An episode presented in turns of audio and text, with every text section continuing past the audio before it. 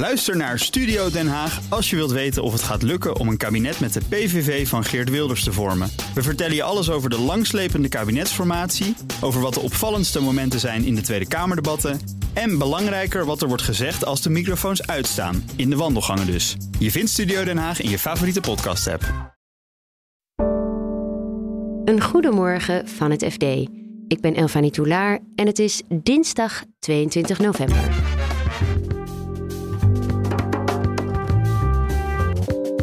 Zorginstellingen zien hun huren heel hard stijgen. En daar gaat niet iedere verhuurder begripvol mee om. Maar er zijn ook verhuurders die zeggen, ja, moet je goed luisteren. Um, vastgoed is een beleggingscategorie die ervoor zorgt dat mensen juist een beetje die daarin beleggen, beschermd zijn tegen inflatie. Hè? Britse werkgevers willen immigratie aanwakkeren. Want het tekort aan personeel is nijpend. Als je bijvoorbeeld ziek wordt en een ambulance nodig hebt, uh, dan moet je heel erg, heel erg lang wachten. En sommige werkgevers gaan wel heel erg ver om het personeel tevreden te houden. Uh, ja, ik sprak met één uh, bedrijf, dat is een online marketingbureau. We hebben 47 medewerkers en die gaan eigenlijk jaarlijks vier maanden per jaar met elkaar naar Bali. Dit is de dagkoers van het FD. Naast een hoge energierekening en stijgende personeelskosten moeten zorginstellingen nu ook dieper in de buidel tasten om de huur te kunnen betalen. Vastgoedredacteur Erik van Rijn vertelt hoe hard de huren stijgen. Dat gaat soms wel met percentages van, uh, van 9, 10, 11, soms zelfs 14 procent. En dat komt allemaal omdat uh, in huurcontracten die zorginstellingen met hun verhuurders afsluiten, staat dat verhuurders uh, hun prijzen mogen verhogen met het inflatiepercentage. Ai, en kunnen die zorginstellingen deze verhogingen wel aan? Nou, dat is een beetje de vraag. Het, het, verschilt denk ik heel erg per zorginstelling. Kijk, sowieso is het zo dat heel veel zorginstellingen die hebben vastgoed in eigendom. Dan gaat het bijvoorbeeld over ziekenhuizen. De meeste grote ziekenhuizen zijn gewoon zijn, zijn er gebouwen in eigendom. Dat verandert nu wel een beetje. Um, maar vooral bij de wat, wat, wat kleinere en, en ook wat privatere zorginstellingen zie je dat die de afgelopen jaren in Nederland natuurlijk in opkomst zijn gekomen. En die zijn vooral gegroeid door vooral vastgoed te huren uh, en niet zozeer te kopen. Uh, en daar komt het wel hard aan. Als jij, uh, als jij huurt, dan als zorginstelling, dan huur je, kun je eigenlijk van drie grote drie partijen huren. Dan of je van een particulier, particuliere belegger of van een woningcorporatie. Die huur, verhuren ook nog redelijk wat zorgvastgoed aan, aan, aan gehandicapte zorginstellingen bijvoorbeeld. of van de grotere vastgoedbeleggers. En dan heb je het echt over de, de, de Sinterus Achmea, de grote institutionele partijen. maar ook een Belgische beursgenoteerde belegger als Edifica. Bij al die zorginstellingen, die verhuurders, zijn die altijd even streng? Willen die nu allemaal die verhoging hebben? Nou, dat, dat verschilt dus een beetje. Er zijn verhuurders die zeggen, ja dat klopt inderdaad, we, we gaan met je om tafel om te kijken of we dat misschien wat kunnen verlagen. Maar er zijn ook verhuurders die zeggen, ja moet je goed luisteren, um, vastgoed is een beleggingscategorie die ervoor zorgt dat mensen juist een beetje die daarin beleggen, beschermd zijn tegen inflatie. Hè? Juist omdat de huren elk jaar mee worden verhoogd met, uh, met die inflatie. De marges uh, in de sector zijn dun. Komt er nog steun vanuit de overheid? Nou, dat is een beetje, dat is een beetje de vraag. De overheid je zou bijna kunnen zeggen dat de steun juist wat minder wordt, omdat het kabinet van plan is om de vergoeding die zorginstellingen krijgen voor hun huisvesting vanaf 2024 iets te verlagen. Um, en zonder daar te veel op in te gaan nu, dat heeft dan ook weer te maken met, met de lage rente van de afgelopen jaren. Dus mm. ja, dat, zijn, dat is ook een reden uh, waarom zo, heel veel zorginstellingen ook zoiets hebben van, uh, ja, aan de ene kant zien we dus dat er op onze vergoeding beknibbeld wordt. En aan de andere kant zien we dat verhuurders de prijzen verhogen. Dus die komen aan beide kanten daardoor een beetje, een beetje in de knel. En wat heeft dat voor, gevol wat heeft dat voor gevolgen? Uh, dat bijvoorbeeld zorginstellingen uh, de verduurzaming voor zich uitschuiven. Of nu niet alles doen, maar dan later. Of onderhoud waarvoor, waar, waar ze zelf ook vaak voor verantwoordelijk zijn, ondanks dat ze huren. wat, wat voor zich uitschuiven. Dat soort dingen ga je natuurlijk nu allemaal niet doen op het moment dat jij ja, onzekerheid hebt over of je je huurpenningen wel kan, kan betalen. Nu ik je toch spreek, een hele andere vraag. Want uh, vandaag komt er ook ander nieuws over de vastgoedmarkt, namelijk de CBS-cijfers over de huizenprijzen. Dat staat helemaal los van dit verhaal, maar ik denk dat alle luisteraars toch wel heel benieuwd zijn hoe die ervoor staan. Ja, we, het CBS maakt inderdaad vandaag bekend, hè, doen ze elke maand, de huizenprijzen. En wat je dus ziet is dat de prijs van bestaande koopwoningen in oktober met een half procent zijn, uh, zijn gedaald. En dan zul je misschien zeggen van, ja, wat, wat, wat stelt dat nou voor? Uh, we hebben de afgelopen jaren, uh, jaar op jaar, stijgingen gezien van 20%. En nu heb je een daling van 0,5% in oktober ten opzichte van september.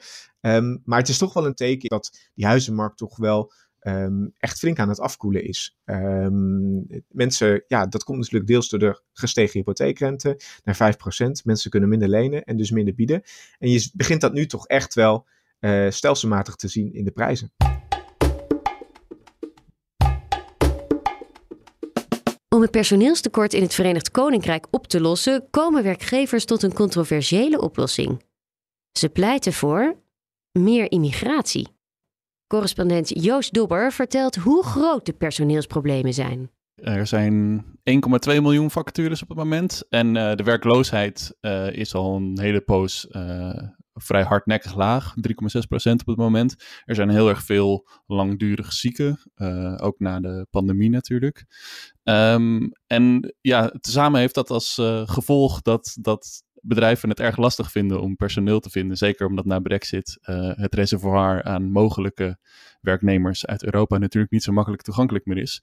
Um, dus ja, ze hebben het lastig om personeel te vinden. En dat maakt ervoor dat het, uh, uh, ja, er is economische groei die eventueel haalbaar zou zijn als er personeel zou zijn. Maar het personeel is er niet. En dat is natuurlijk heel erg heel erg moeilijke situatie. Wat merk jij als correspondent er in het Verenigd Koninkrijk van die tekorten? Nou, het is vooral uh, in je gewone leven merk je er niet zo heel erg veel van. Maar het is vooral um, als je bijvoorbeeld ziek wordt en een ambulance nodig hebt. Uh, dan moet je heel erg, heel erg lang wachten. Um, als je in het ziekenhuis bent en je zou bijvoorbeeld naar een verpleeghuis moeten worden overgeplaatst. Dan is daar geen ruimte, omdat vooral in de verpleegzorg zijn de tekorten echt enorm.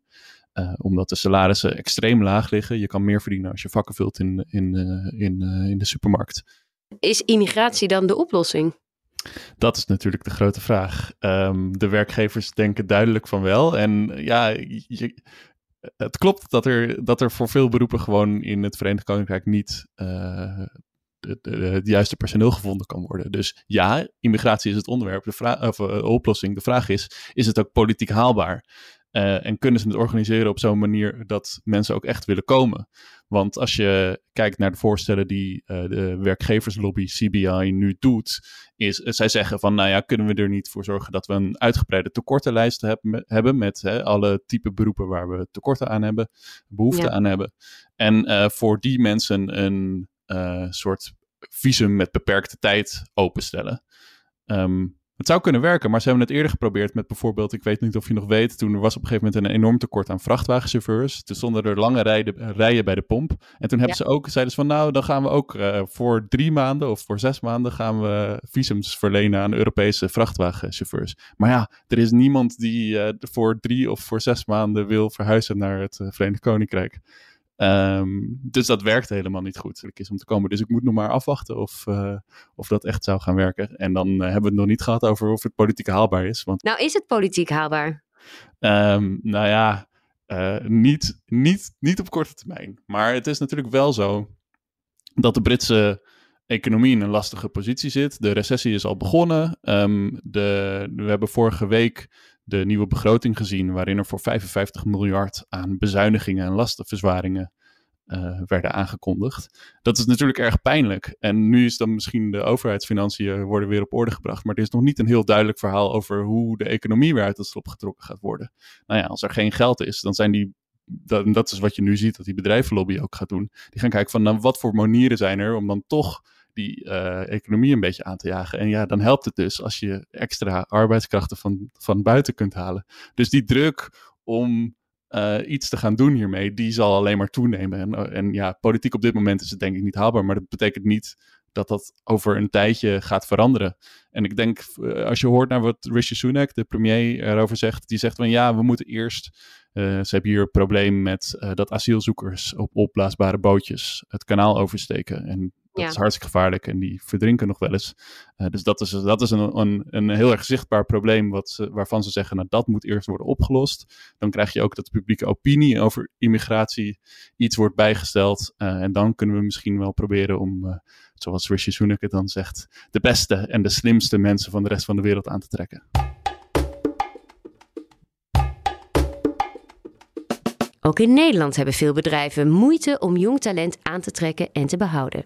Dat merken bijvoorbeeld genomineerden van de FD Gazelle, de prijs voor snelst groeiende bedrijven van Nederland, die vandaag wordt uitgereikt. Redacteur Pien van Engen sprak met genomineerden en vertelt hoe die jonge werknemers proberen te bereiken. Je ziet veel via sociale media gaan. Uh, ik sprak één bedrijf, Absolute Motors, uh, dat pimpt luxe auto's. En mhm. die zoeken eigenlijk al hun personeel via sociale media. Ook omdat ze een hele grote achterban hebben op YouTube. En uh, nou ja, een eigen serie op Amazon Prime. Dus zij zeiden eigenlijk van, nou ja, één post op sociale media levert tientallen sollicitaties op. Maar ook bij andere bedrijven, bijvoorbeeld een uh, adviesbureau op het gebied van milieu en veiligheid, die hebben een campagne lopen met, ja, dat heet Daag ons uit. En dan kunnen mensen um, zelf zeggen van, nou, ik wil bij jullie komen werken, maar ik wil wel dit en dit en dit. Uh, En mhm. daar proberen zij dan weer op, op in te spelen. En ook de traditionele manier van persoonlijk benaderen en dan koffie drinken en ze ja, ervan overtuigen dat jij ze als bedrijf heel veel kan bieden. En dat lukt dus uh, tot op zekere hoogte. Maar dan moet je wel een beetje aan die wensen van die jonge werkenden tegemoet komen. Wat willen die? Ja, wat ik eigenlijk van iedereen die ik sprak terugkrijg, is dat uh, jongeren heel graag flexibiliteit en vrijheid willen in hun werk. In die zin ook van nou ja, je eigen uren indelen. Dus dat je bijvoorbeeld kan sporten tijdens je werk. Uh, dat je een keer een middag vrij kan nemen en dan in de avond kan doorwerken. Maar ook wel bijvoorbeeld dat je de mogelijkheid krijgt om uh, een tijdje vanuit het buitenland te werken, omdat je nou ja, niet genoeg vakantiedagen hebt. Um, ze willen eigenlijk een betere balans tussen werk en privé. Uh, een van de geïnterviewden zei ook van, nou, ik merk gewoon dat het minder in is om hard te werken. en daar bedoelde hij vooral mee, hè, niet van acht uur s ochtends tot acht uur s avonds, maar um, dat je gewoon gedurende de dag hard werkt en dat je verder ook je vrijheid hebt. En daarnaast is er ook wel een grote wens om, om jezelf te ontwikkelen. En dan uh, natuurlijk op werkgebied, dat is een basisvoorwaarde. Maar ook wel op uh, andere vlakken. Dus dat je bijvoorbeeld, hè, bijvoorbeeld de mogelijkheid om uh, regelmatig contact te hebben met een coach. En, en wat ben je voor voorbeelden tegengekomen? Wat doen die bedrijven om aan die wensen tegemoet te komen? ja, ik sprak met één bedrijf, dat is een online marketingbureau, gevestigd in Amsterdam. Uh, hebben 47 uh, eh, medewerkers en die gaan uh, eigenlijk jaarlijks vier maanden per jaar met elkaar naar Bali. Ah, om daar te overwinteren. Ja, ze zitten daar in nou ja, grote villa's. En overdag wordt er gewerkt of een deel van de dag. En daarnaast heel veel, heel veel uitjes met elkaar, heel veel ervaringen opdoen. Maar ik sprak ook werkgevers en die bieden bijvoorbeeld aan dat je langere tijd uh, wat langer, langer weg kan gaan. Bijvoorbeeld een uh, medewerker die had een vriendin in Mexico, wilde daar graag naartoe, maar had niet zoveel vakantiedagen. Nou, is er samen één op één een regeling gekomen dat hij daar naartoe kon. Maar ik sprak ook met een bedrijf waar het werk wat meer locatiegebonden is. Dus dat je minder makkelijk kan zeggen, nou werk maar een tijdje vanuit het buitenland. Maar daar werd bijvoorbeeld heel erg ingezet op masterclasses met topsporters of uh, bekende coaches om zeg maar te leren om het beste uit jezelf te halen en, uh, en andere zaken. Klinkt allemaal echt heel heerlijk en aanlokkelijk en leuk en fijn, maar gaat dit allemaal niet ten koste van de groei van die bedrijven? Nou, bij deze bedrijven niet, want ze zijn natuurlijk uh, genomineerd voor ja. groeiende bedrijven. Wat is hun geheim? Waar, waar eigenlijk collectief over gesproken werd, is dat ze heel erg geloofden in um, een gelukkige werknemer is ook beter voor je bedrijf daarin is wel natuurlijk de balans belangrijk. Van hè, je bent een bedrijf, het is werk, het is niet vrije tijd, het is geen hobby. Dus er zitten uh, bij elke werkgever heel veel voorwaarden aan als je bepaalde, bepaalde extra's uh, krijgt als uh, medewerker. En door volgens die duidelijke afspraak, afspraken te werken, hoeft dat je omzet niet, niet in de weg te zitten. Als jij je uren schrijft en je uren maakt en nou ja, in sommige gevallen genoeg tijd hebt, genoeg overlap hebt met Nederlandse tijd om contact te houden met de klant, dan hoeft dat je groei niet in de weg te zitten.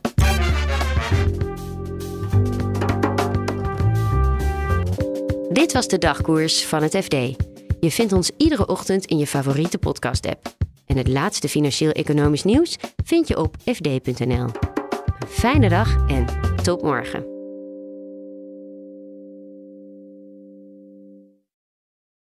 Ook Bas van Werven vind je in de BNR-app. Ja, je kunt live naar mij en Iwan luisteren tijdens de ochtendspits. Je krijgt een melding van Breaking News. En niet alleen onze podcast Ochtendnieuws, maar alle BNR-podcasts vind je in de app. Download nu de gratis BNR-app en blijf scherp.